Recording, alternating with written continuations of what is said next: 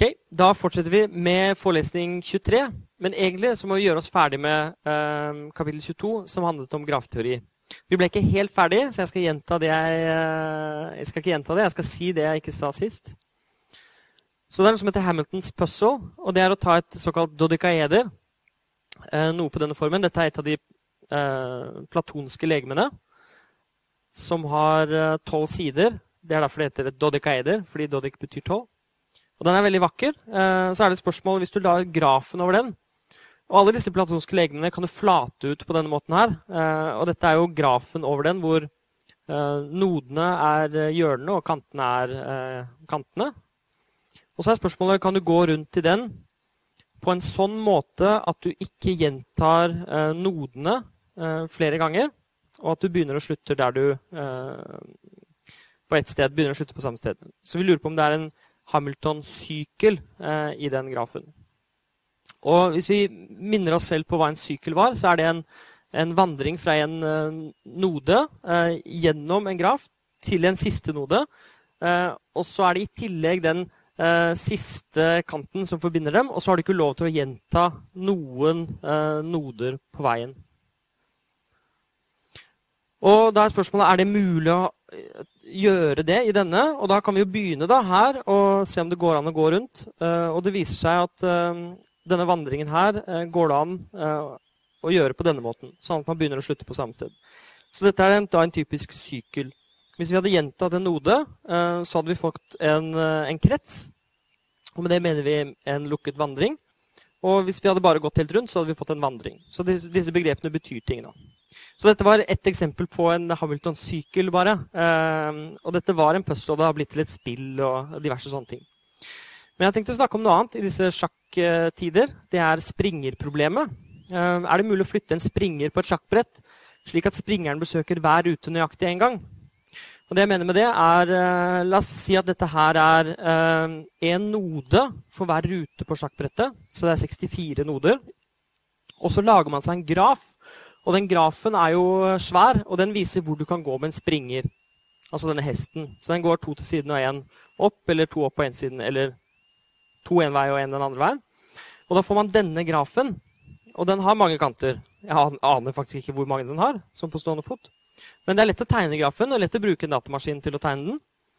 Og så er spørsmålet er det mulig å flytte en springer um, på dette sjakkbrettet, slik at springeren besøker hver rute nøyaktig en gang. Og det har vi nå oversatt til å besøke hver node nøyaktig en gang. Uh, og det, det, det, det spørres etter her, er jo en Hamilton-sti. Um, uh, vi ønsker ikke å gjenta noder flere ganger, og derfor snakker vi om stier. Begrepet Hamilton, som er oppkalt etter han personen, det fanger inn at vi skal gå over alle. Eh, sånn at det ordet Hamilton betyr ikke eh, liksom, i denne konteksten å ikke gjenta noder. Det, er, det, betyr at du dekker hele. På samme måte som en Euler-krets. Eh, det er en krets som dekker hele, hvor du ikke gjentar noen kanter. Men da er det ordet eh, eh, krets eller Euler-vei som fanger inn at du ikke gjentar kanter. Så det er en del sånne begrepsavklaringer. Men så er spørsmålet er det mulig. Og dette skrev Euler om i 1759. Og han skrev eh, en artikkel som het, eh, oversatt til norsk, 'Løsningen på et merkelig problem som ikke synes å ha vært gjenstand for noen analyse'.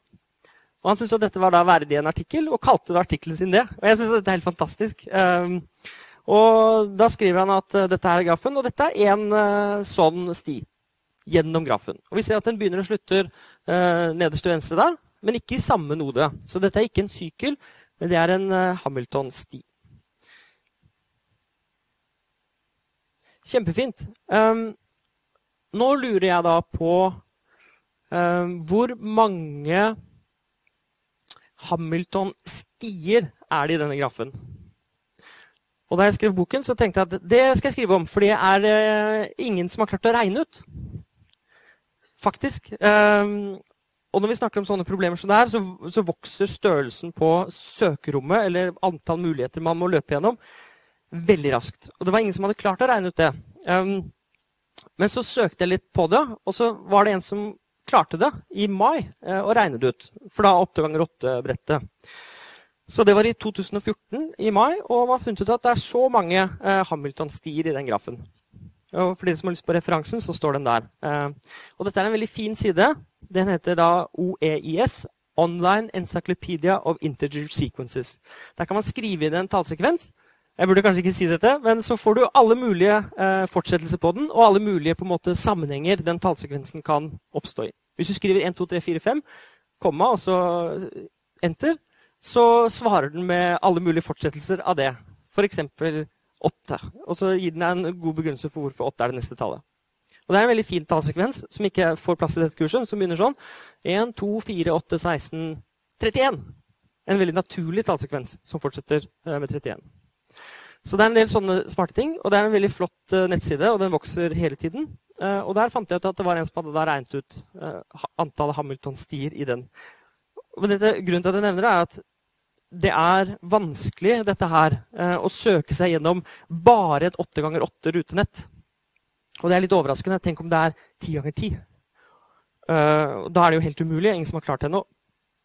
Så det er ganske vanskelige algoritmiske problemer vi begynner å snakke om her.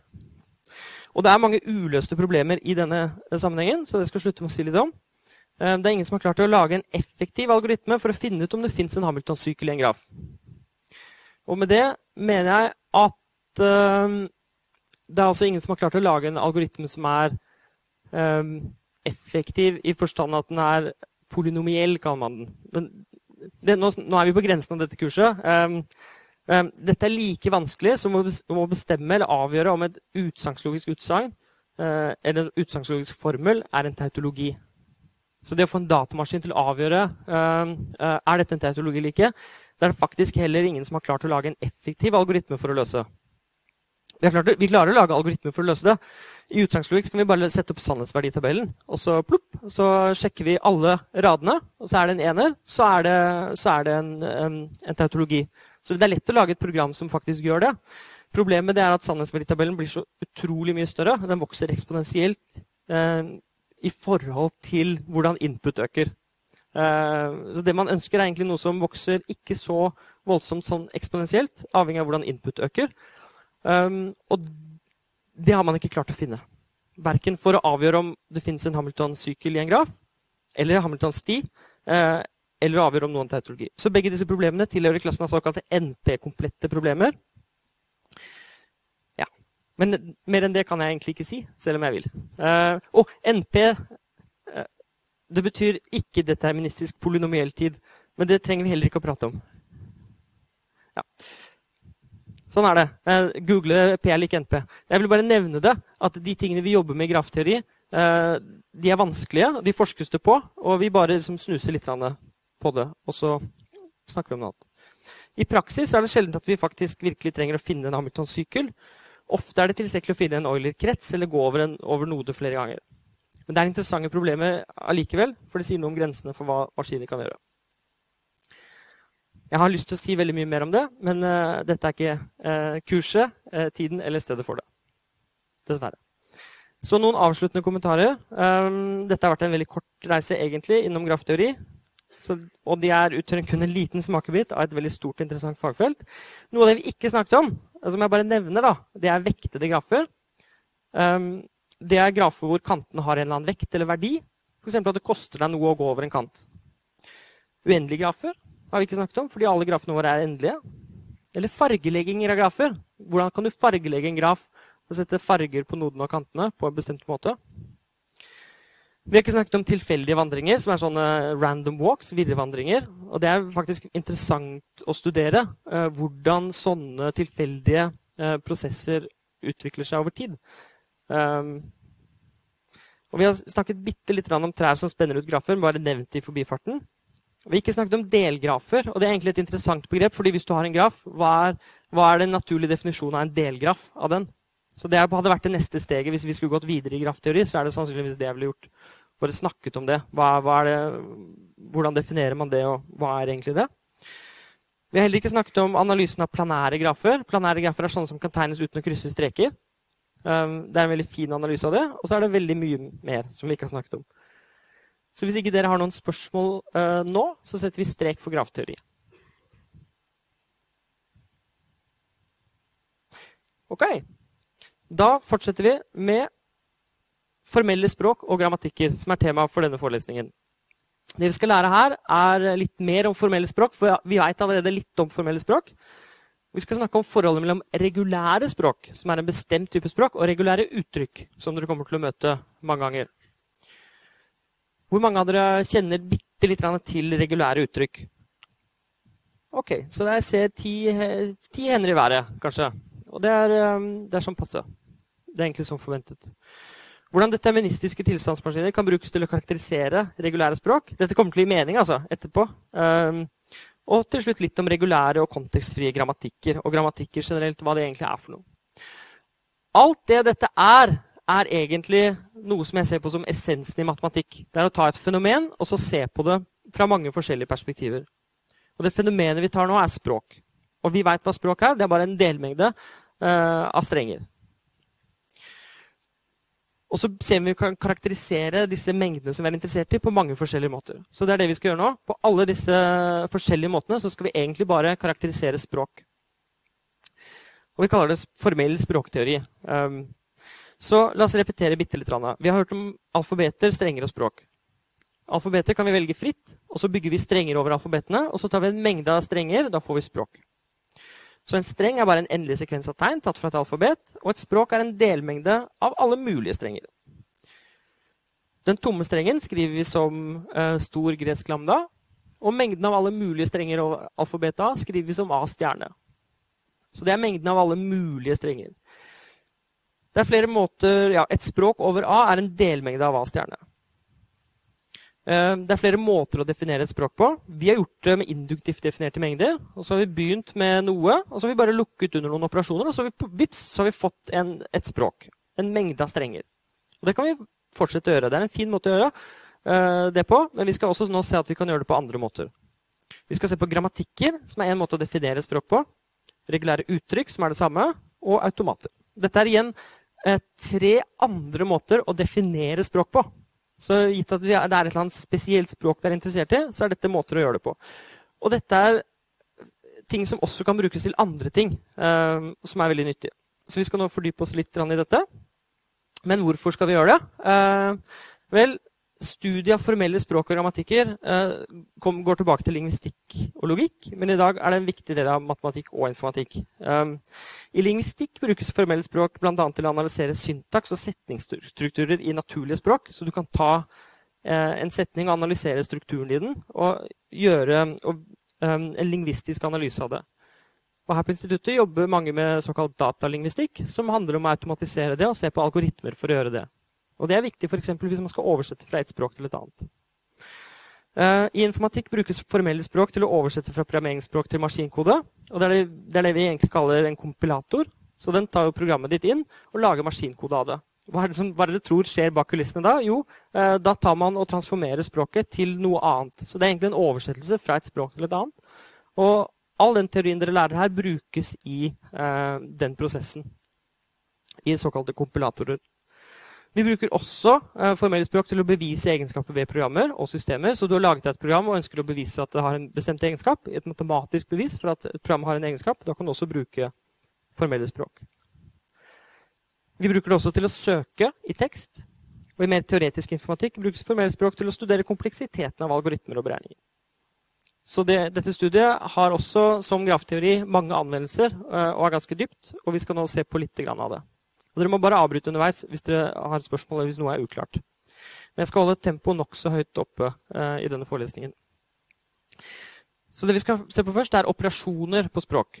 Og vi kjenner denne prosessen nå ganske nøye, fordi vi definerer en mengde av noe. Og så lager vi noen operasjoner på den mengden. Og det har vi gjort hele tiden. Um, og nå skal vi gjøre det på språk. Det har vi ikke gjort til nå.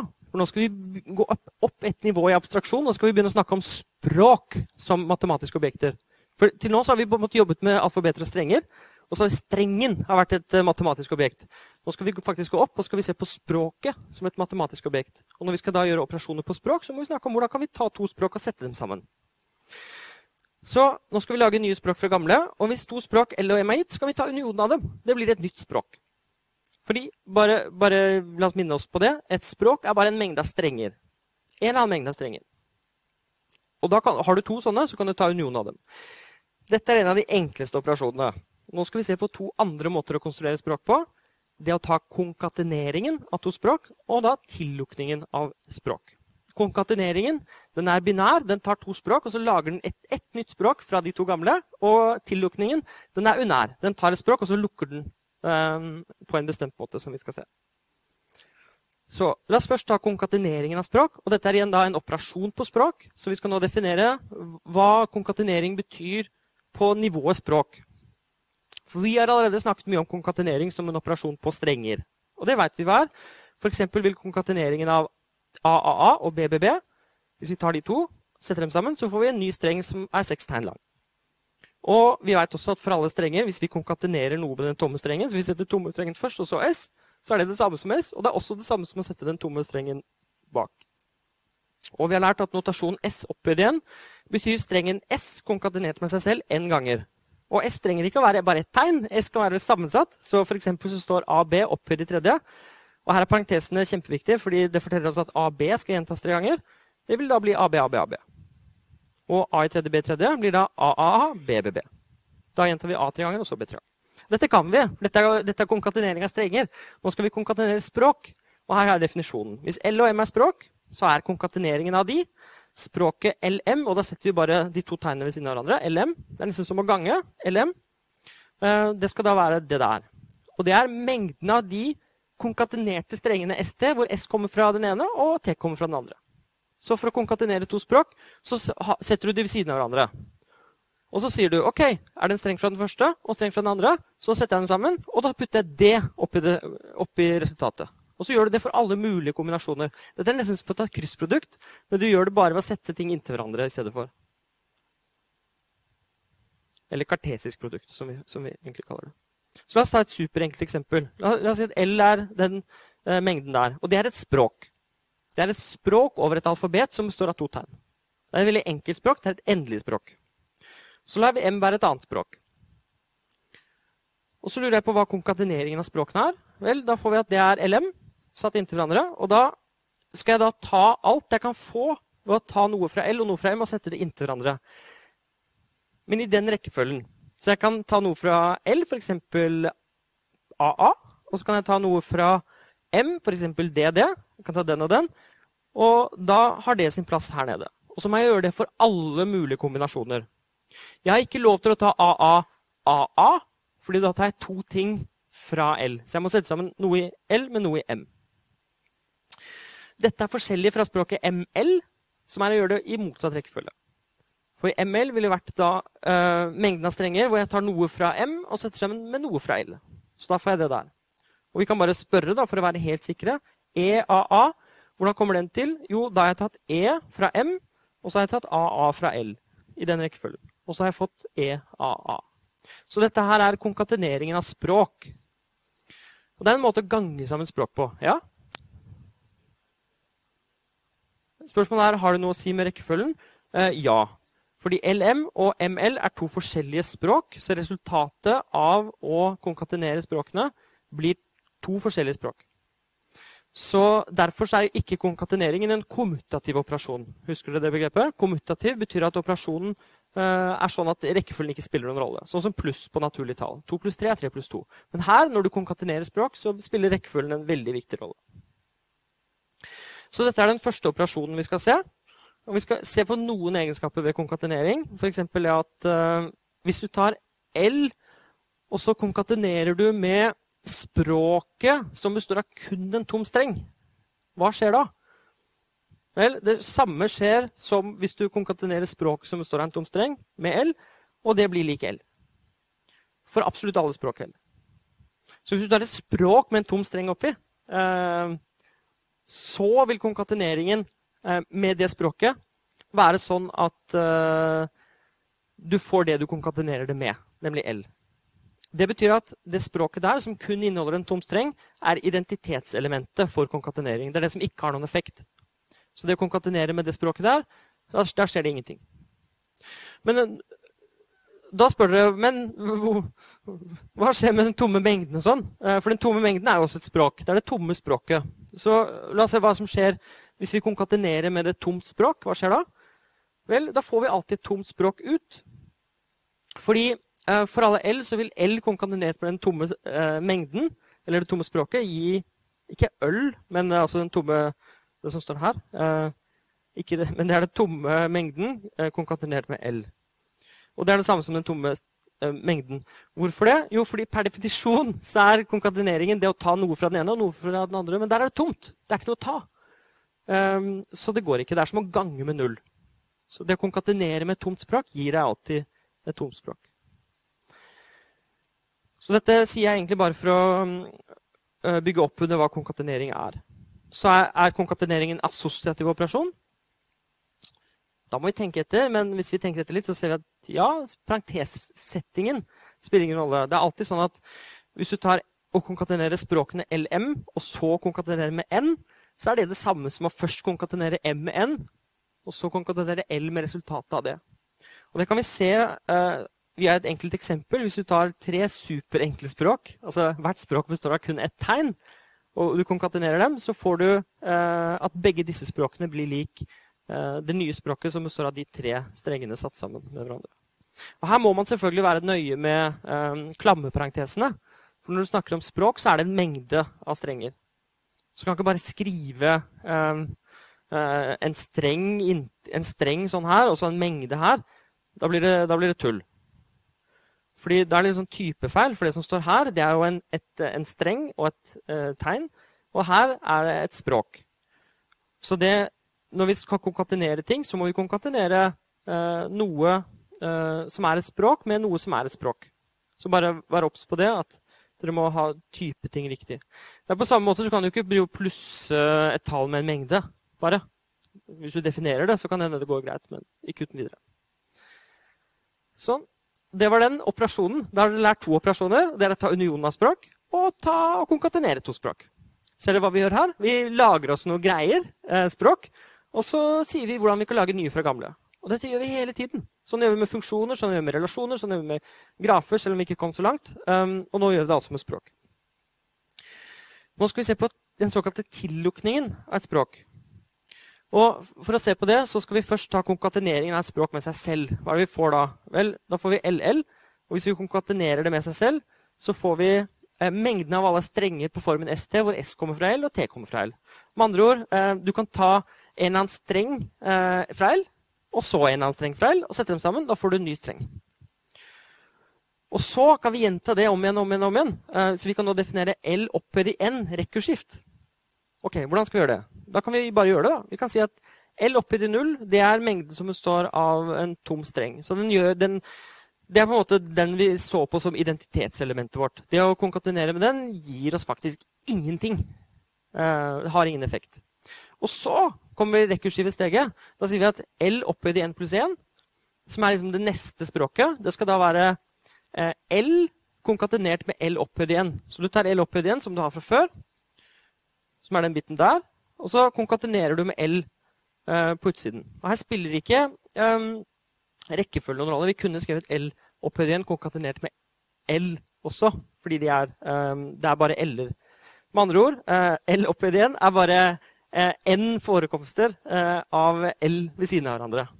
Og nå ser dere hvorfor vi begynte med basissteget, som er mengden av den tomme strengen, fordi det er identitetselementet i denne konteksten. Og hvis vi tenker litt etter, så får vi altså at for alle positive tall n, og nå er det faktisk sånn jeg mener positive tall, så 1, 2, 3, 4, 5 oppover, så er L opphøyd i n. Det er mengden av alle strenger på formen SN, S2, SN, hvor hver SI er tatt fra det underliggende eh, språket så det blir, eh, det blir, ikke nødvendigvis strenger av lengde n, men det blir på denne formen. Eh, og Grunnen til det er at hvis, hvis L uh, La oss ta et superenkelt eksempel. Da. Hvis L er uh, AB, så er Hvis L er AB, så blir L i annen Hva blir det? Jo, det blir LL. Og hva er det? Jo, det er AB konkatenert med AB. Nå er disse veldig enkle språk, fordi de inneholder kun ett, eh, en streng hver. Men det blir da mengden som står av AB, AB. Og den strengen som er oppi der, har lengde fire. Eh, bare vær oppmerksom på det. Så det er ikke sånn at det er alle strenger av lengde n, men det er alle eh, Du tar og gjentar eh, noe oppi der flere ganger. Så eh, det er det å konkatenere noe. Men altså det å ta unionen av alle disse eh, kalles da tillukningen av L. Nå skal jeg definere det presist, og så gi et eksempel på det. Så jeg skal gjenta det jeg nå sa, to ganger til eh, på akkurat samme måte, sånn at eh, dere får definisjon på flere forskjellige måter. Men ideen er altså bare å konkatenere med seg selv og gjenta det og se hva du får. Og på en måte så er det å begynne med et språk, eh, og så bare ser du hva du kan få fra det språket. Bare ved å sette ting inntil hverandre, men da kun å ta strenger fra det språket. Så hvis språket inneholder noen tegn, så kan du ta endelig mange sånne. Hvis språket inneholder en mengde strenger, så kan du ta bare endelig mange av de strengene, klasje dem sammen, og så har du en ny streng. Tada! Og så tar du alt du kan få fra det språket ditt på den måten. Dette er en måte å formalisere det på. Så igjen, da, intuitivt, hvis jeg tar uh, A, B, C, så kan jeg si at OK Det er et veldig enkelt språk. Uh, hvis det er L, så vil jeg få at L uh, i A-en Det er nå alle strenger av lengde 2 over det språket. Da vil jeg få AA, AB, AC, BA osv. Så, eh, så L3 vil være alle av lengde 3. Mm. Så det er alt jeg kan få fra et språk. Det er det vi kaller tillukningen. Men igjen, la meg definere det presist. Um, hvis L er et språk, så er Klini-tillukningen. Eller på engelsk Klini closure. Og Det er en fyr som heter Klini, som dette er oppkalt etter. Så det er egentlig pakket inn i definisjonen for at dere skal ha hørt om han, for han var en veldig bra og kul fyr. Så, og det dukker opp uh, mange steder, dette navnet, da, Klini. Så jeg vil egentlig bare at dere skal ha hørt om det. Eller bare tillukningen, hvis vi ikke har lyst til å si Klini. Uh, Avel, hva er det? Jo, det er språket L stjerne som er da L0, union L1, union L2, union L3, union L4 osv. Det vil si mengden av alle endelige strenger over L. Vi kaller det det. Mengden av alle endelige strenger over L. Ok, La oss se på et eksempel. Um, la L være språket 1 og 2-2. Det er de eneste strengene i språket. Da får vi at L0 det er mengden av den tomme strengen. Det er identitetselementet vårt. Ved å bruke definisjonen av L opphøyd i N, så får vi følgende. L1, hva er det? Ja, det er per definisjon L ganget med, eller konkatenert med L opphøyd i 0. Hva er det? Det er det samme som L. Fordi det å konkatenere med mengden som består av den tomme strengen, har ingen effekt.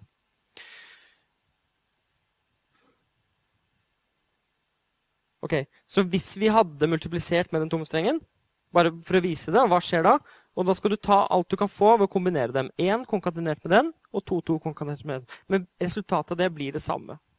Så effekten av det er eh, ingenting. Hva er L i annen? Per definisjon så er det L konkatenert med L1. Nå har jeg allerede regnet ut eh, L1. Så hvis jeg nå først skriver L, dette er L, og dette er L1 Tilfeldigvis er L og L1 eller L oppi det det samme. Hva får jeg da? Da må jeg ta 1 og konkatenere med 1. Da får jeg 1, 1. Og så må jeg ta 1 og konkatenere med 2, 2. Da får jeg 1, 2, 2, osv. Så, så får jeg det der. Så jeg får en mengde som består av fire strenger. Og så er de litt forskjellig lengde. Noen har lengde 2, noen har lengde 3, noen har lengde 4. Og så kan jeg fortsette sånn. L3 det er da L ganget med L2. Jeg sier L2, men egentlig så er det L i A-en. da, eller Det spiller ingen rolle. Dere skjønner det? Og da kan jeg kopiere inn det jeg regnet ut fra før, som er L i A-en. Og da får jeg Nå kan jeg teste det. Hvor mange eh, elementer får jeg i det nye språket?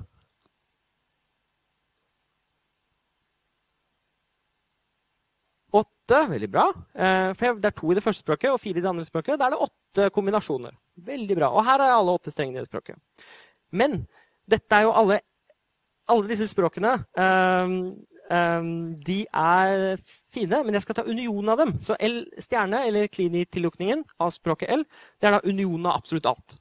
Så du bare tar absolutt alt du kan få på denne måten, kaster det opp i en mengde, og så er det ferdig. Um, alle, I dette tilfellet så vil alle elementene i språket, alle strengene i språket, er endelige objekter. De har endelig lengde. Det er ingen uh, strenger som er uendelig lange oppi her. Og du kan ikke få det. På samme måte som en induktivt definert mengde, så får du ikke det. Ja. Er det noen spørsmål til dette? var, nå har dere sett tre operasjoner. Dere har sett å ta unionen av språk, å konkatenere språk, og nå ta tillukningen av et språk. Disse tre operasjonene er helt grunnleggende og fundamentale. Og dere skal ikke lære mer enn det. Det er disse tre. La oss se på hva vi nå har lært. Vi har definert tre viktige operasjoner på språk. Vi kan ta unionen, konkateneringen og tillukningen. Nå kommer poenget. Eh, endelig, eller ett av dem. Eh, ved å begrense oss til kun disse tre, så får vi en type språk som er veldig mye brukt, og de kalles regulære språk. Så hvis, hvis, vi ikke har lov til å gjøre noe annet eh, enn å ta disse operasjonene, så får vi en utrolig vakker og fin eh, mengde eh, av språk. De kalles regulære. La oss nå se på hva det er. La oss definere det bare. Ett regulært språk, hva er det? Og For å si hva ett regulært språk, så kan vi definere mengden av absolutt alle regulære språk eh, i en og samme operasjon. Bare si dette er de språkene som er regulære.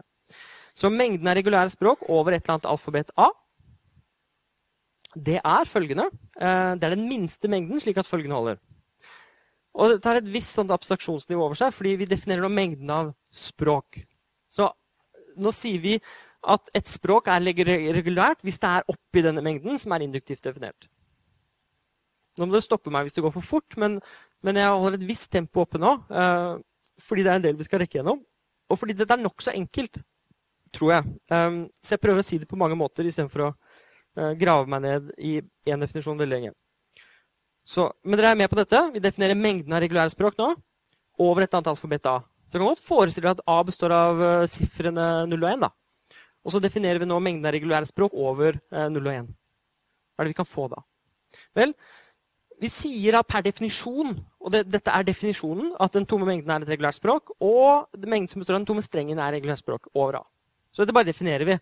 Og dette er for å få i gang, uh, få i gang mengden. Uh, vi tar de enkleste språkene som fins. Og så sier vi at det er det tomme språket. Og det er et sånt språk som inneholder kun en tom streng. Det er de enkleste språkene jeg kan forestille meg. Er det noen andre språk som er super, super enkle, som jeg bør ha med? Ja, og nå kommer det en viktig en. Og det er mengden som kun består av ett eh, tegn. Så hvis du kun tar med ett tegn fra et alfabet A For A et, store A er et alfabet. Hvis du kun tar med ett tegn, så kaller vi det et regulært språk. Og det som skjer her, da, er at jeg, jeg skal definere meg en mengde av språk. Eh, jeg skal gjøre det induktivt, men jeg skal beholde kontrollen. Så jeg har ikke lyst til å si at alt er lov, for det er det vi har gjort til nå. ikke sant? Alt er lov. Jeg skal bare holde trykket nede og så bare si uh, de regulære språkene, det er disse. Og da sier jeg først ok, hva er det superenkleste, hva er det harmløst å ta med? Tomme mengde, eller tomme språk her er harmløst å ta med. Mengden som består av tomme strenger, er harmløst å ta med. Og et språk som studerer tegn, er også veldig harmløst å ta med. Og nå kommer eh, den induktive delen av definisjonen. Hvis L og M er regulære språk fra før, og de eneste vi kjenner til nå, er disse som står over der, for det er det som er i basismengden, da skal vi ta og legge til unionen. Så hvis vi har to språk, så må vi legge til unionen som et nytt språk. Vi kan legge til konkateneringen, og vi kan legge til tillukningen. Det er også regulære språk. Og that's it. Dette er definisjonen av regulære språk. Så basismengden består av de enkleste språkene. Og det er det tomme språket, språket som består av en tom streng, og alle sånne enkeltspråk som inneholder kun ett tegn fra alfabetet. Og der ligger de, koselige og veldig enkelt. Og så bam! Tar du alle de, og så lukker du. Du lukker under union, du lukker under uh, konkatenering, og du lukker under eh, tillukning. Så du lukker under tillukning, men det er faktisk det du gjør. Du tar et språk, og så driver du og genererer alle ting, og så oh, jeg fikk et nytt språk. Å, det må jeg også ha med. Og så fortsetter du sånn. Og det skal vi nå se et eksempel på, men det er først et spørsmål. Vel, i denne Spørsmålet var denne A-en her, er det en plassholder for en streng eller et tegn? Det er sånn jeg tolker spørsmålet ditt. Og der, her er det en plassholder for et tegn. Så her tar vi et alfabet A, og det på en måte består av atomene våre, eller, eller tegnene. Og så bygger vi opp uh, ting fra dem. Uh, og grunnen til at jeg ikke ønsker å begynne med uh, et språk, det er at jeg vil beholde kontrollen. Jeg vil beholde kontrollen veldig nøye på hva som er med og ikke. Hvis jeg hadde begynt med å si at la oss ta et språk L, og så gjør vi alt dette her. Da har jeg liksom ikke god nok kontroll, for det er alt avhengig av den L-en. Nå veit jeg at jeg har et alfabet med tegn. Og det er veldig greit å forholde meg til. Så i stad når vi definerte konkateneringen av språk og tillukningen av språk, så, kunne, så gjorde vi det helt generelt på, på, på hvor, hvor, L og M var språk. Ikke nødvendigvis uh, et alfabet eller noe sånt. Men nå er det her et alfabet. Et veldig bra spørsmål, forresten. Og oppklarende spørsmål. Grunnen til at L brukes så mye i denne konteksten, er at L står for language. Så det er litt sånn engelsk, engl, englifisert, dette her. Mm. Da må vi ta et eksempel. Hva er det som egentlig er regulære språk? Kan vi se det? Ja, det kan vi. Så la alfabetet A være mengden av to tegn. Lille a og lille b. Okay. Hva er det basissteget i definisjonen gir? Vel, det gir oss at det tomme språket er et språk. Og Det er på en måte det enkleste språket. Og så har vi også mengden som står en tom streng. Og hvorfor i alle dager må vi ha med begge disse? Det er, liksom, det litt, det er litt frustrerende, er det ikke det? Uh, vi skal definere mengden av språk, og så kommer jeg rekende med både tomt språk og som, et språk som inneholder en tom streng. Uh, og ja, dette er to forskjellige ting.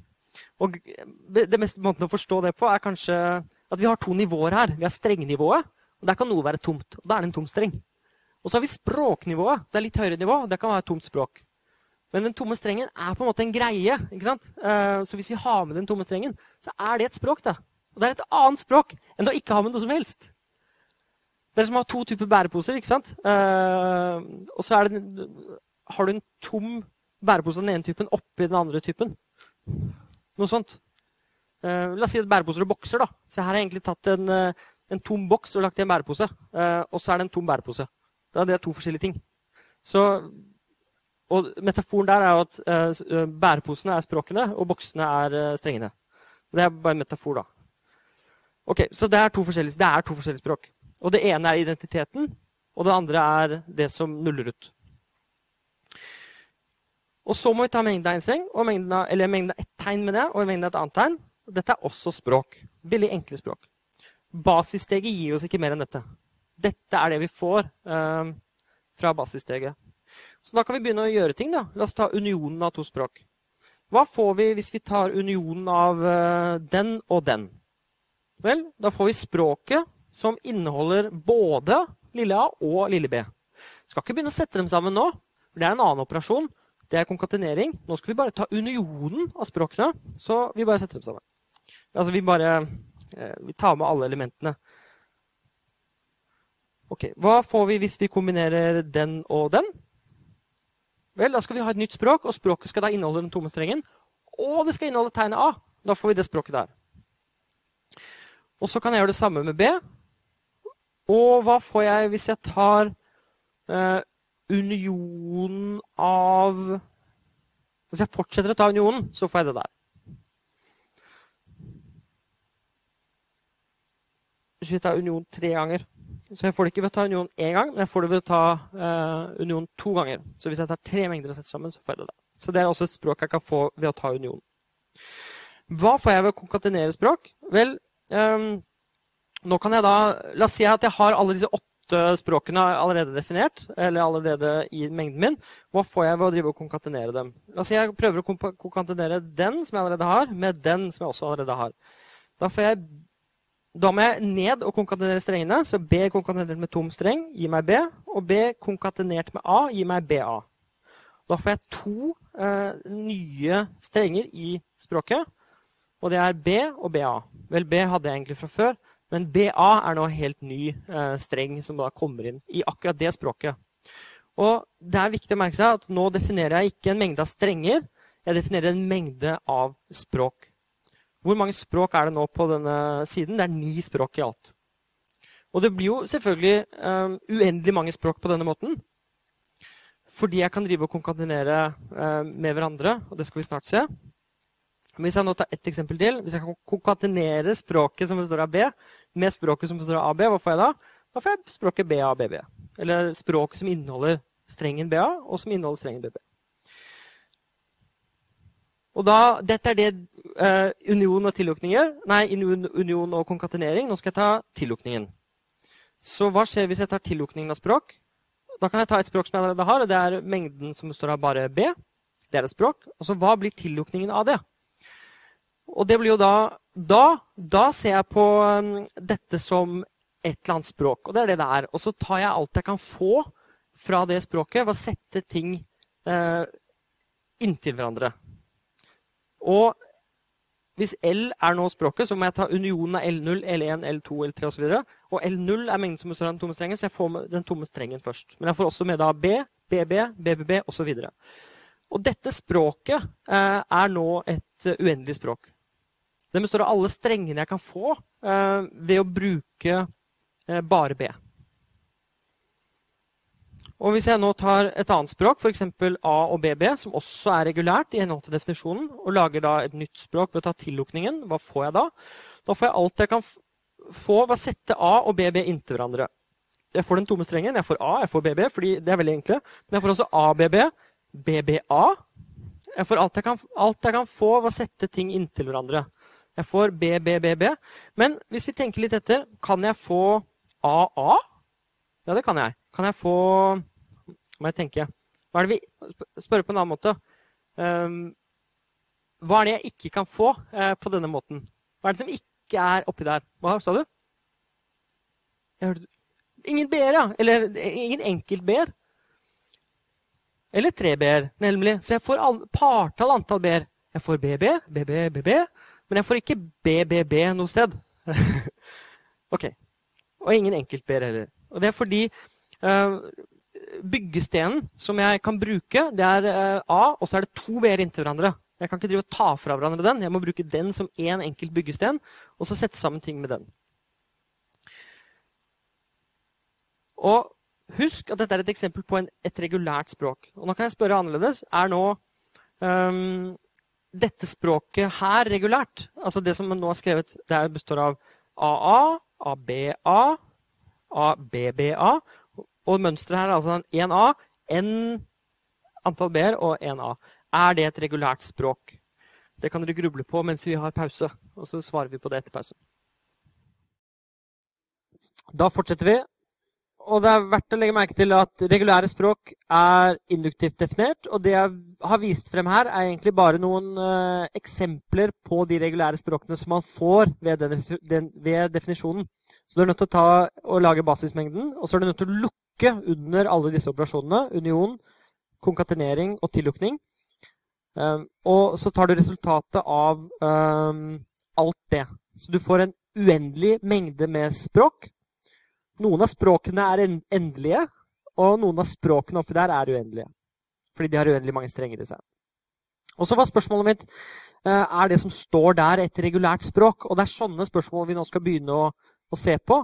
Hvilke språk er det som er regulære? Eh, og hvorfor er vi så utrolig opptatt av dem?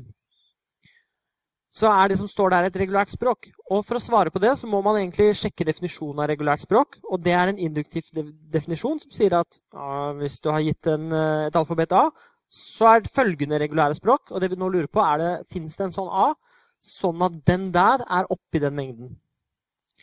Og det er spørsmålet mitt nå. Er den der oppi den mengden? Er det da eh, sånn at dette språket som nå er beskrevet der, liksom, vi ser at den begynner med en A og slutter med Hver streng begynner med en A og slutter med en A, og så er det um, noen uh, B-er imellom. Med en valgfritt antall. Ser du det? Så hvis det er ingen, så er det AA. Og hvis det er fem, så er det A, og så er det fem B-er, og så er det en A. Det er strengene som er oppi det språket. Er da det språket regulært? Og Da må vi undersøke er det sånn at jeg kan få det språket ved å ta uh, og begynne med basismengden, og da ta konkatenering, tillukning osv., uh, eller ikke. Vel, eh, språket er faktisk lik en bestemt konkatenering av uh, tre språk. Hvis du tar uh, og konkatenerer språket som kun består av A, med språket som kun består av tillukningen av språket B, og så konkatenerer med språket som kun består av A, så får du dette språket. For det første, ser dere det?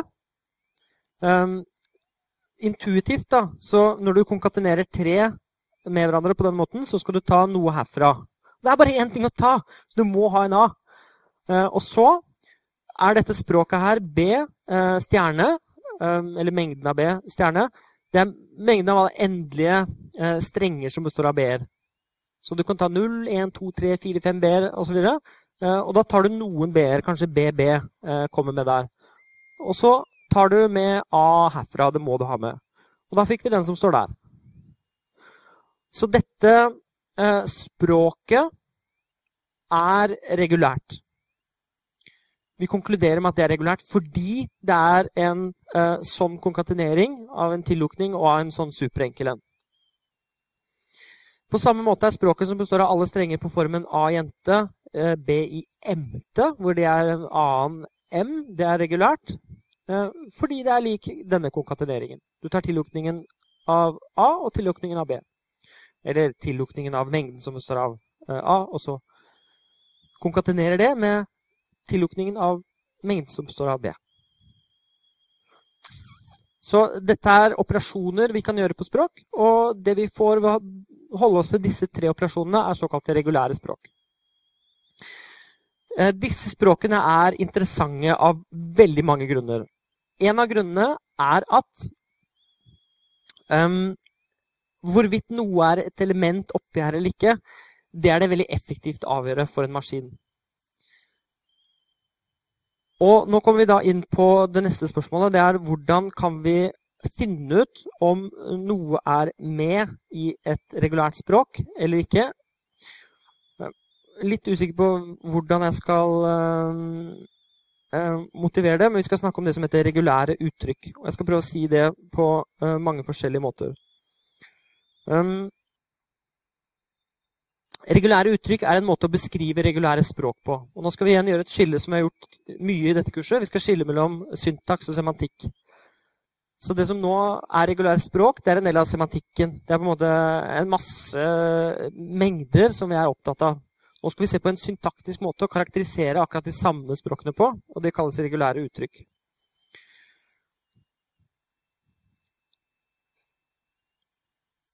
Så la oss først definere det, og så motivere det.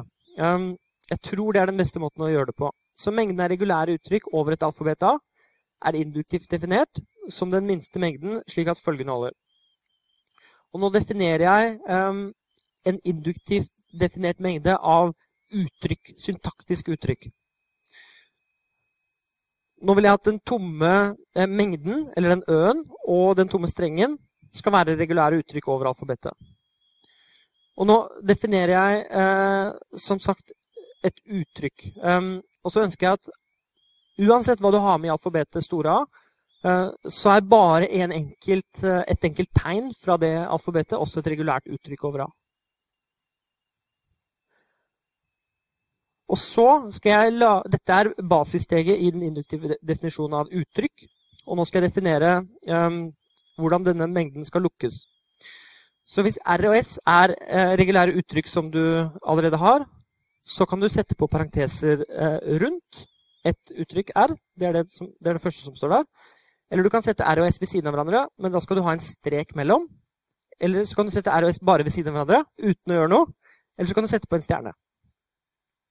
Og nå lager jeg meg et formelt språk. Dette er veldig viktig. Jeg lager meg en mengde av sånne uttrykk og de uttrykkene skal jeg nå bruke på en helt spesifikk måte. Det er altså syntaktiske uttrykk som defineres. Vi kan godt tenke på hvert sånt uttrykk som en streng over et visst alfabet, og det er A. Og så er det alle de tegnene som vi nå har brukt. Det er den streken, det er stjerna, og så er det de to symbolene som henholdsvis eh, vi leser som den tomme strengen og den tomme mengden. Og så disse parentesene. La oss bare se på hvordan dette utvikler seg. Nå må dere nesten bare stole på meg at vi er på vei et godt sted. For dere kommer til å se det, er min påstand. Um, så la oss bare se hva definisjonen gir oss aller først. Uh, så la oss ta noen eksempler på regulære uttrykk over et superenkelt alfabet som består av to tegn, 0 og 1. Det er et regulært uttrykk. Den tomme strengen og den tomme mengden er det. Og 1 er det, og 0 er det. Og så må jeg begynne å sette dem sammen. Jeg kan ta den tomme um, strengen, og så kan jeg sette, bruke den streken og sette på et ett-tall, altså tegnet. Eller jeg kan ta ett-tall og sette på en stjerne. Eller jeg kan ta 1 og så streken og så 0-1. Eller jeg kan bruke litt parenteser sånn der. Og denne her er induktivt definert, fordi først så fikk jeg med 1, jeg fikk med 0, og så laget jeg den. Og så satte jeg på parentesene, og så satte jeg de sammen. Så jeg fikk da det uttrykket der. Nå kommer vi snart til moroa, eh, og det er vel hva vi skal bruke den til. Men først må vi bare skjønne definisjonen. Eh, og for å unngå altfor mange parenteser, selv om vi kan legge til parenteser akkurat hvor, hvor vi vil, så har vi noen enkle eh, eh, eh sånne presedensregler. så vi antar at stjernen binder sterkest. Og at det å sette regulære uttrykk inntil hverandre binder svakere enn det. Så stjerna har prioritet. Og at den streken begynner svakest. Så vi leser derfor 0,1 stjerne uh, som om det sto 0, og så uh, parentes rundt kun den eneren. Og ikke sånn her. Det er to forskjellige måter å tolke det på. Um, og når vi bare setter en stjerne ved noe, så er den så sterk at den kun gjelder eh, det ene symbolet eller det uttrykket som den står inntil. Uh, og dette her uh, tolker vi som det fordi um, den streken den binder svakest. Så selv om det ikke står noen parenteser der, så det å sette ting inntil hverandre binder sterkere. Så 1, 2 henger på en måte sammen, og 0 og den streken gjør ikke det. En annen måte å tolke dette på vil jo være å si at dette her er det uttrykket der. Dette her er faktisk definisjonen av regulære uttrykk. Er det noen spørsmål til definisjonen? Men nå kommer moroa, nemlig. Uh, det er hvordan vi skal tolke disse uttrykkene. Og det er en sammenheng mellom språkene og uttrykkene. Ja? Ja, nettopp. Ok, Så spørsmålet var hvordan er det denne her dukker opp som et element i mengden av regulære uttrykk? Og basismengden eh, Har du lyst til å utdype spørsmålet? Spørsmålet er hvordan det blir til mengden som består av 0,1. Eh, vi, vi, har ikke sagt noe om hva disse uttrykkene betyr ennå. Vi har eh, det vi kun, Du mener du det som står her, over alfabetet 01? Ok. Det det betyr, er at nå lager vi regulære uttrykk over det alfabetet. Så da ser vi på hvilke uttrykk vi kan få med det som utgangspunkt. Det er som å definere en signatur i førstehåndslogikk, eller som å si hva som er i basismengden i en annen induktivt definert mengde.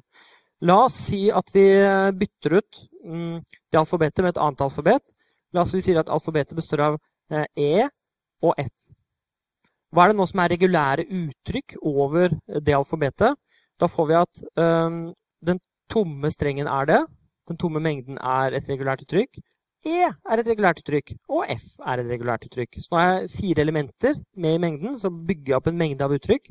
Og så kan jeg begynne å sette de inntil hverandre. Så EF er f.eks. ett, men også E stjerne er rett, og E strek F er rett.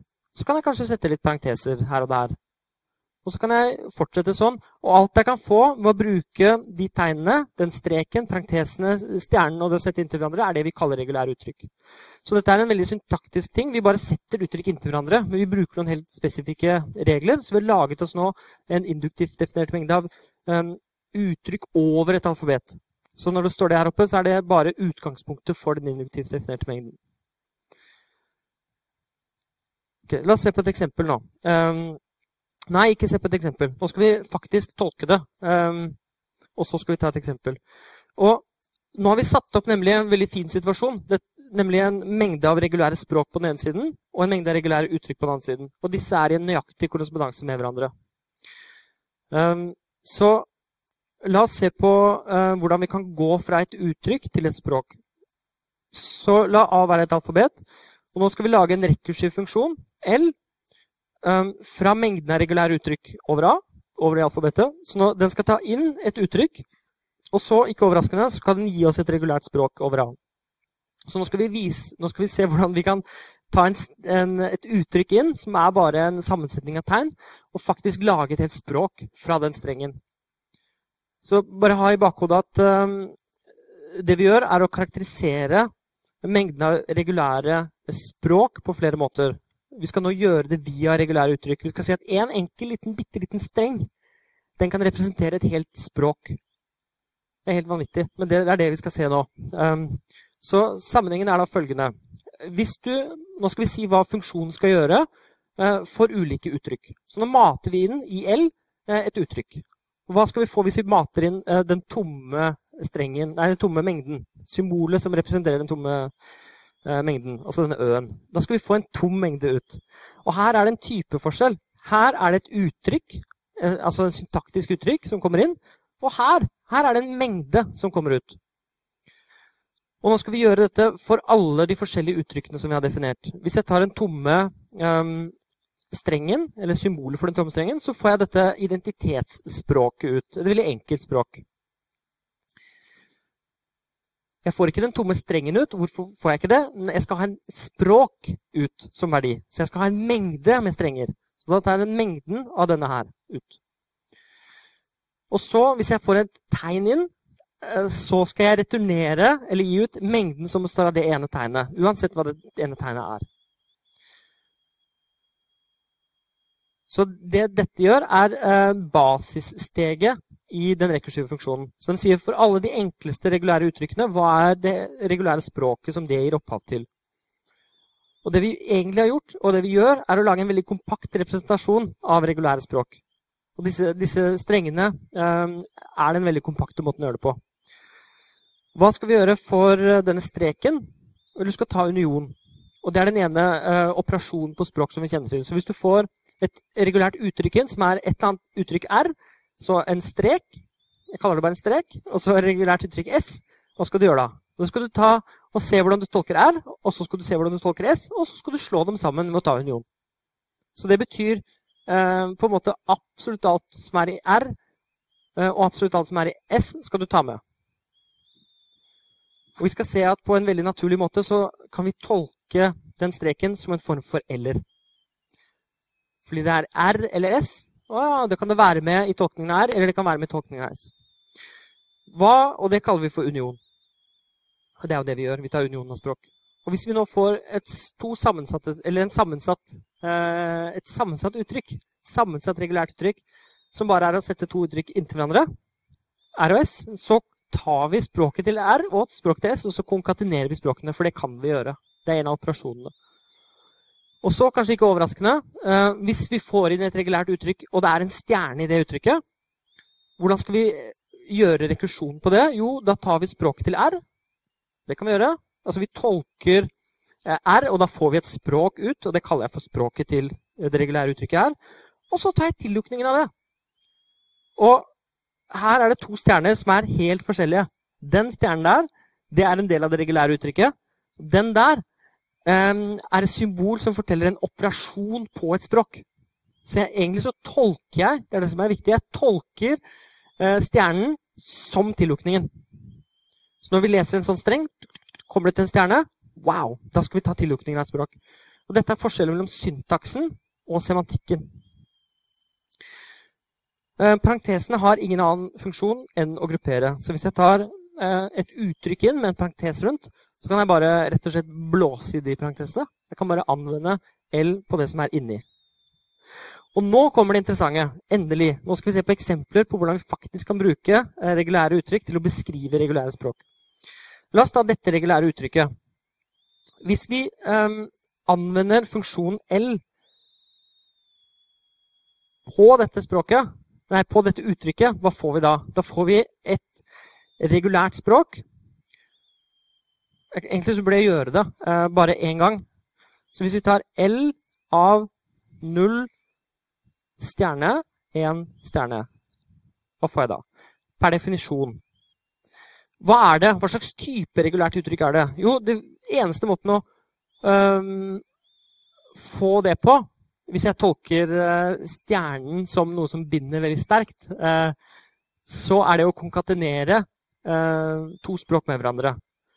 Det er altså å ta null stjerne, og så anvende L på den. Da får jeg et regulært språk. Og så kan jeg anvende L på én stjerne, og så får jeg et regulært språk. Og så skal jeg konkatenere de med hverandre. Det er det definisjonen gir av den rekkeskive funksjonen. Er det noen spørsmål til det? Ok, da går jeg videre. Hvordan skal jeg Hva er L av null stjerne? Jo, da må jeg ta L av 0, da. Og så må jeg ta tillukningen av det. Og så må jeg ta L av 1, da. Så må jeg ta tillukningen av det. Oh, hva får jeg da? Hva er L av 0? Vel, det sto det at eh, L av 0 skulle være mengden som står bare av 0. Og så tillukningen av det. Og hva med L av 1? Jo, det blir mengden som står av 1, og så tillukningen av det. Og hva er det? Vel, la meg skrive ut eh, null stjerne, da. Hvordan skriver jeg et null stjerne? Jeg vil begynne, da. Tom streng er inni der. og én null, to nuller, tre nuller, fire nuller. Og så kan jeg fortsette i det uendelige. Og så skal det konkateneres med akkurat det samme når jeg skriver det på ny linje, da, eh, med én. Hva blir resultatet av å konkatenere disse to uh, mengdene eller språkene med hverandre? Vel, da må jeg ta noe fra den første, og så må jeg ta noe fra den andre. Og så må jeg klasje de sammen, konkatenere strengene. Da får jeg en streng som um, består av 0 og 1, men hvor det første er 0, uh, og så er det 1. Altså det er ingen enere foran uh, nullere. Er dere enig i det? Ja. Da er det sånn at jeg bare kan beskrive det. Det uttrykket beskriver språket som består av alle strenger over 0 og 1, hvor alle forekomster av 0 er til venstre for alle forekomster av 1. Og det er en superkompakt måte å beskrive et regulært språk på. Og det er nå det begynner å bli moro, egentlig. Alt har vært en oppbygning til dette. Um, så vi er kanskje interessert i det språket, og da er dette en veldig kompakt måte å gjøre det på. La oss ta flere eksempler. Hvilke språk uh, beskrives av dette regulære uttrykket? Hvis jeg, hopper, hvis jeg sier feil, det hender at jeg sier feil, så må dere ta meg på det med en gang. Um, altså, jeg slurver fordi jeg snakker litt raskt. Uh, hvilket språk er det dette regulære uttrykket beskriver? Vel, og nå skal jeg begynne å snakke om dette på en annen måte. Skal jeg begynne å bygge intuisjon i stedet for. Uh, dette beskriver språket som består av å ta 0, 1, 2, 3 eller 4 eller 5 eller endelig mange forekomster av den strengen 0, 1. Og det blir den mengden her. Så en mengde som består av den tomme strengen, som er å ta med null. Eller ta med én forekomst av 0, 1. Eller ta med to forekomster av 0, 1. Så den stjernen betyr egentlig ta med 0, 1, 2 eller 3 eh, sånne inntil hverandre. Det er det den stjernen brukes til, og det er det den betyr. Eh, hvis jeg sier sånn her eh, La oss ta regulære uttrykket som består av en stjerne rundt 0-1. Som jeg tolker da som 0 eller 1. Og det som skjer når du anvender tolkefunksjonen på 0-1, er at du får unionen Eh, av to mengder. Og når de snakker om union, så spiller ikke rekkefølgen noen rolle. Så dette her eh, beskriver faktisk det å ta med 0, 1, 2 eller 3 eller flere forekomster av 0 eller 1. Og en måte å tenke på det på er at enhver streng i det språket som beskrives av dette uttrykket, skal være sånn at på første posisjon, hvis det er en posisjon, så skal det være 0 eller 1.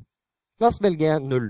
På andre posisjon så skal det være 0 eller 1. La oss velge 13.37, er det det dere ser på? Det er mange som ser på klokka og vinker. Det er fordi nå er klokka 13.37. Naja. Og for dere som ikke ler av det, får nesten søke opp 13.37. På andre posisjon så skal det være 1. På tredje posisjon så skal det være 1. Og jeg, for hver posisjon bortover så kan jeg velge mellom 0 og 1. Og på en måte er det det det koder inn. da, At hver gang jeg går bortover, så velger jeg. Hva blir resultatet av det? Hvilke strenger er det jeg kan få på den måten? Jeg kan få absolutt alle strenger. Uansett hva det er, så kan jeg få det på den måten. Så det å skrive de eh, seks tegnene etter hverandre er en måte å beskrive mengden av alle strenger over et alfabet på. Det syns jeg er kult. For nå, Og det er et regulært språk. Ja. Og så er det La oss ta dette. Null eller én stjerne. Og da må vi enten velge null eller så må vi ha null eller flere enere. Og det beskriver da språket som er sånn. Enten så er det null, eller så er det tom streng, eller så er det én ener, to enere, tre enere osv. Og det, hvis dere ikke tror meg, eh, så er det bare å da anvende L-funksjonen på denne her. Null, strek, én stjerne. Og da bruker vi bare definisjonen og sier at ok, ja, det er L av null det, per definisjon. Union L av én stjerne per definisjon. Ok, hva er det? Det er mengden som består av null. Da fikk vi den. Eh, eller så er det da L av 1, og så tillukningen av det. Og hva er, eh, hva er tillukningen av L1? Det er mengde som består av 1. Oi, der skal det være union. Sånn. Sånn. Og hvis vi regner ut det, så får jeg da 0, og så får jeg da akkurat det som står der oppe. Så den funksjonen bygger bare en bro mellom uttrykkene og språkene. Så det er et annet perspektiv på disse språkene. Jeg tror dere har skjønt hvordan dette går. Hvis jeg tar 0-0 stjerne, altså med parentes rundt nullene, så får jeg da dette språket. Det er enten ingen forekomster av dette, eller to, eller fire eller seks. Så alle partall antall forekomster av null uh, er greit, så alle strenger som oppfyller den regelen, skal være med i språket. Og så kommer vi til noen andre rare. Null og null stjerne. Og igjen så er det dette med parentessettingen, så dette betyr egentlig dette. Så den stjerna bare um, brukes på den nullen som står inntil. Så det beskriver egentlig at du ok, først skal du ha en uh, null, og så skal du ha null eller flere uh, nuller. Uh, og da får du dette språket. Og det dere kan se her, er at den tomme strengen er ikke med i det språket. Det er ikke sånn at vi alltid må ha med den tomme strengen. Kanskje vi ikke er interessert i det. Dette språket inneholder alle strenger som har kun null i seg, og ikke er en tom streng. Det er en annen måte å beskrive det på. Så mange måter vi kan beskrive språkene på. Vi kan godt si det med ord også. Dette skrives også, også som null pluss, hvor det står pluss istedenfor stjerne. Ja. Og da kan vi begynne med litt mer sånn sammensatte greier. Dette er da en konkatenering av tre eh, regulære uttrykk. Først null, og så en sånn eller, og så en null. Og dette beskriver da språket 0 og 0, 1, 0. Hvorfor det? Jo, dere kan tenke på dette som en sånn eh, graf. Først må vi ha med 0. Og så må vi velge mellom tom streng og 1. Ikke sant? Og kanskje vi valgte tom streng, kanskje vi valgte 1. Og så må vi ha med 0 bak her. Og da er det eh, 0 tom streng 0 som gir oss den, og 0 1 0 som gir oss den. Så nå fikk vi et endelig språk. Og grunnen til at vi fikk et endelig språk her, er at det er ikke noen eh, tillukning, sånn klinisk tillukning. Med en gang vi har den stjerna med, så eksploderer alt i et uendelig univers av strenger. Men hvis vi ikke gjør det, så er det like endelig som da vi begynte. Det eh, at én er valgfri, som er akkurat det som uttrykkes her at du, du kan ta med én hvis du vil, men du trenger ikke. Du kan ta med tom streng, altså tom streng eller én. Eh, det skrives ofte som én spørsmålstegn. Eh, hvor det står spørsmålstegn i stedet for stjerne. da, Men altså den lille spørsmålstegnen står der oppe. Så hvis jeg skulle skrevet det, så ville det vært altså null, og så kanskje en ener, og så null. Så det er en annen måte å beskrive det samme språket på. Så dette er det regulære uttrykk brukes til. Så la oss se på de uttrykkene som vi har sett fra før. L av eh, tom streng gir meg da mengden av den tomme strengen. L av den tomme mengden gir meg den tomme mengden. Eh, og L av 1 gir meg mengden som står av 1, osv. Nå kan vi også se på da dette med at 1 er valgfri. Um, og L av et sånt uttrykk gir meg da den tomme strengen uh, og 1 ut. Grunn, da, skal jeg ta unionen når jeg har den. Uh, på samme måte så vil L av 1 stjerne gi oss da uh, den tomme strengen, eller endelig mange enere, osv. L av 1 eller 01 gir oss bare de to. Ser dere hvor intuitivt det egentlig er? Altså hvis, jeg ta, hvis jeg har et regulært uttrykk bare med noe endelig greier, og så en sånn eller-strek, så får jeg de to med. Vi kan tenke på dette som um, det Uttrykket er noe du kan spørre. Er noe med i språket eller ikke? Ok, jeg må sjekke om uttrykket stemmer. da. Og Stemmer uttrykket for det jeg spør om? Ja, bam, ja, da er svaret ja. Hvis ikke det stemmer, så er det nei. Og det er dette som har med tekstsøk å gjøre. faktisk. Um, så hvilket språk er det dette uttrykker? Vel, skal vi først ta med 0 eller 1. Eller 1 eller 0, hvis vi sier det sånn som det står. Og så må du ha med en 1. Og da får du disse to strengene som en konsekvens av det. Så det er, eh, det er det. Og da skal jeg sette den på en veldig kort pause. Sånn. Nå er vi tilbake på YouTube etter å ha vært og sett på regulære uttrykk i praksis i eh, Emax. Og grunnen til at det ikke havnet på eh, denne videoen, er at jeg kan ikke vise det frem her. Men det finnes en standard for regulære uttrykk som heter POSIX, som dere bare kan søke opp. Og det er masse gøyale ting med regulære uttrykk. Så nå har vi sett en måte å beskrive regulære språk på. Vi skal se på to måter til å beskrive regulære språk på. Igjen så er det dette med matematikk, at vi ser på noe eh, fra forskjellige ståsteder for å få større innsikt i det. Nå skal vi snakke om deterministiske tilstandsmaskiner, som er en annen måte eh, å se på det samme på. Men som også brukes til andre ting. Så litt av motivasjonen for å snakke om automater, det er spørsmålene hva er egentlig en algoritme, og hva er faktisk beregnbart? Uh, Alan Turing forsket på sånne spørsmål på 30-tallet. Uh, eh, og i 1936 så fant han opp det vi kaller en Turing-maskin. Han kalte den egentlig noe annet, men vi kaller det Turing-maskin nå. Og det er en abstrakt matematisk modell som presiserer hva det vil si å utføre en beregning. Så egentlig så er eh, Turing-maskin-begrepet et svar på et spørsmål. Og spørsmålet er hvordan kan du definere eh, hva som er beregnbart, og hva som er mulig å gjøre med en datamaskin. Og Det er et veldig vanskelig filosofisk spørsmål. Og Så kommer Turing og andre tilsvarende modeller og sier dette er en måte å karakterisere eh, hva det vil si å utføre en beregning på. Så Turing-maskin er det. Vi skal se på endelige tilstandsmaskiner, men begrepsapparatet eh, som vi bruker, er det samme som brukes for Turing-maskiner. Og det er, eh, det er, mange paralleller og likheter. Og Vi skal bruke endelige tilstandsmaskiner til å avgjøre om en streng er med i et gitt regulært språk eller ikke.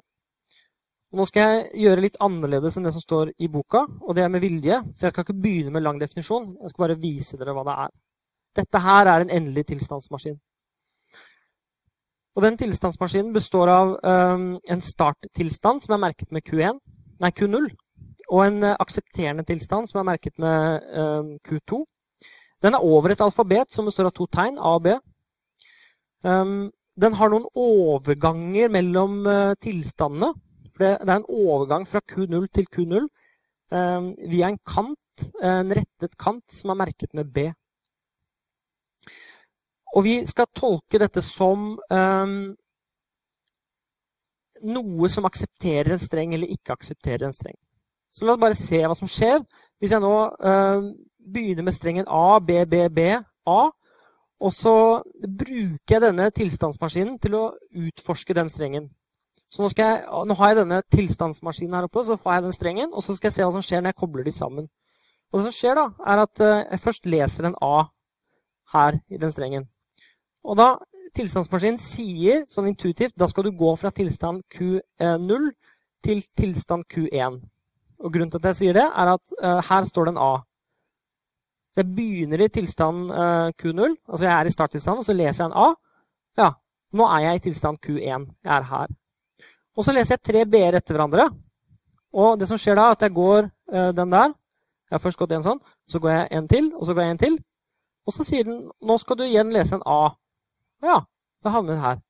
Så ved å bruke den strengen som en instruksjon til hvor jeg skal gå i denne tilstandsmaskinen, så havnet jeg i Q2. Q2 er det vi kaller en aksepterende tilstand, og dermed er strengen akseptert. Vi sier det. Strengen er akseptert. Så spørsmålet mitt nå er hva gjør denne tilstandsmaskinen? Eller sagt på en annen måte, hvilke strenger er det den aksepterer? Hvis dere nå uh, dytter inn en, eh, bare en B, hva skjer da? Hvis dere dytter inn bare en B, uh, så vil den gå sånn, og så stoppe. Så da havner den i Q0. Q0 er ikke en aksepterende tilstand, for den er ikke grønn. Vi har, vi har bare laget en automat, har, det vil si at vi har fargelagt noen grønne og så sagt at disse her skal være aksepterende. Denne ene skal være starten. Uh, og, og, så spør vi hvor havner du etter hvert. Hvis du leser inn en BA, hvor havner du da? Da går du først sånn, fordi du må alltid begynne i starttilstanden, og så går det en A. Da havnet du her. Så BA var ikke akseptert. Ikke B heller. Eh, hvis jeg nå leser inn to A-er etter hverandre, da, hva skjer da? En A og en A. Ja, da går vi først hit, og så går vi hit. Oi, nå er vi inne i Q2.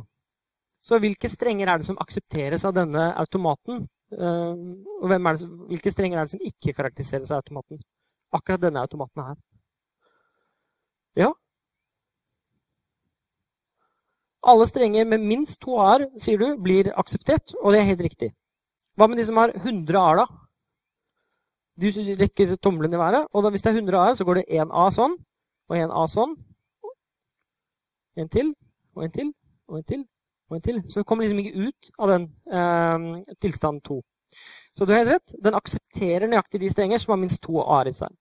Har du skjønt dette, så har du skjønt essensen i en um, um, tilstandsmaskin. Og den heter deterministisk fordi hvis du står i en tilstand, f.eks. Q1, og så leser du en, uh, et tegn, A eller B, så er det helt determinert hvor du skal gå. Det er ikke noe, er ikke noe tvil. Hvis det er en B, så går du tilbake til der du sto. Hvis det er en A, så går du over til neste tilstand, Q2. Så det er alltid helt entydig hvor du skal gå. Derfor så heter den deterministisk. La oss ta en ny automat. Denne her den er stor og fin. Nå skal vi se på strengene 1101 og 100. Vi må begynne i starttilstanden. Så hva skjer når vi leser 1101? Det er så enkelt at da kan vi bare si at OK, det står her, og leser en 1. Da havner vi her. Og leser 1, ja, da må vi gå sånn. Da havnet vi her igjen.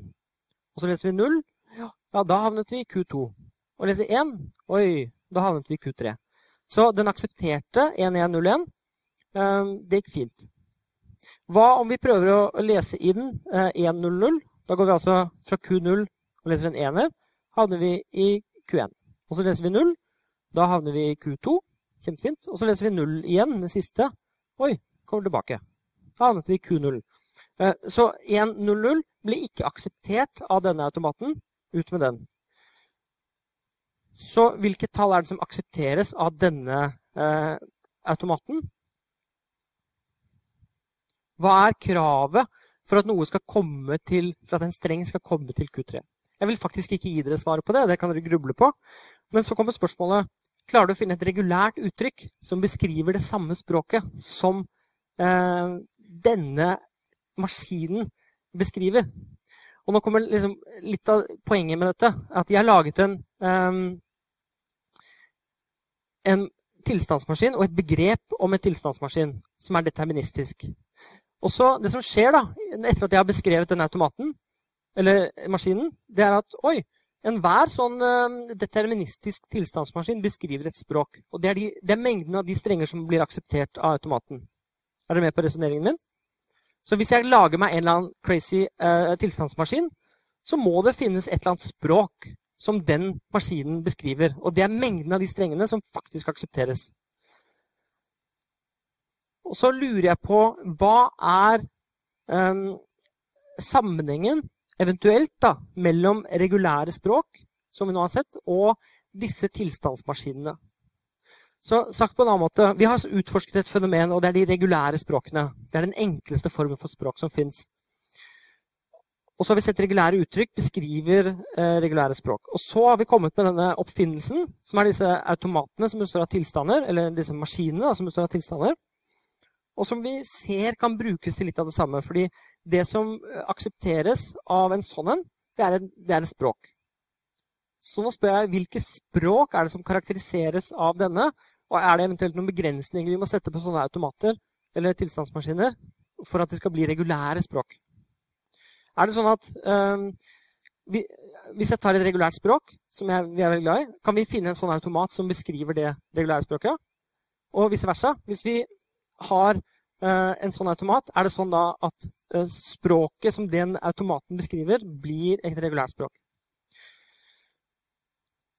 Vel, uh, det er en sammenheng, og den sammenhengen er utrolig vakker, og den er utrolig fin.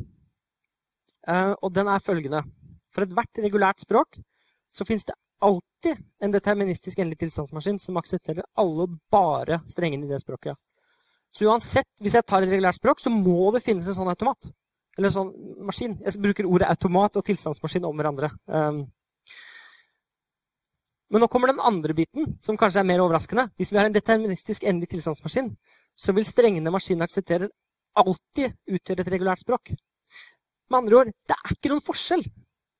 Deterministiske, eh, endelige tilstandsmaskiner beskriver nøyaktig det samme som regulære uttrykk, og det er de regulære språkene. Så det betyr at vi nå har karakterisert de regulære språkene på to forskjellige måter. Både via regulære uttrykk og deterministiske endelige tilstandsmaskiner. Og det er helt sprøtt. Og det er ikke en triviell ting i det hele tatt. Men vi har nå klart å ta en mengde språk, som er disse greiene, og karakterisere det på mange forskjellige måter. Og så er det noe som heter ikke-deterministiske tilstandsmaskiner. Og det er eh, sånne maskiner, eller sånne automater som det her, og denne her automaten er veldig fin, fordi du ser at hvis du står i starttilstanden, og så leser du én, hvor havner du da? Vel, eh, det går to enerpiller ut. Det går en én-pil ut her og en bort der.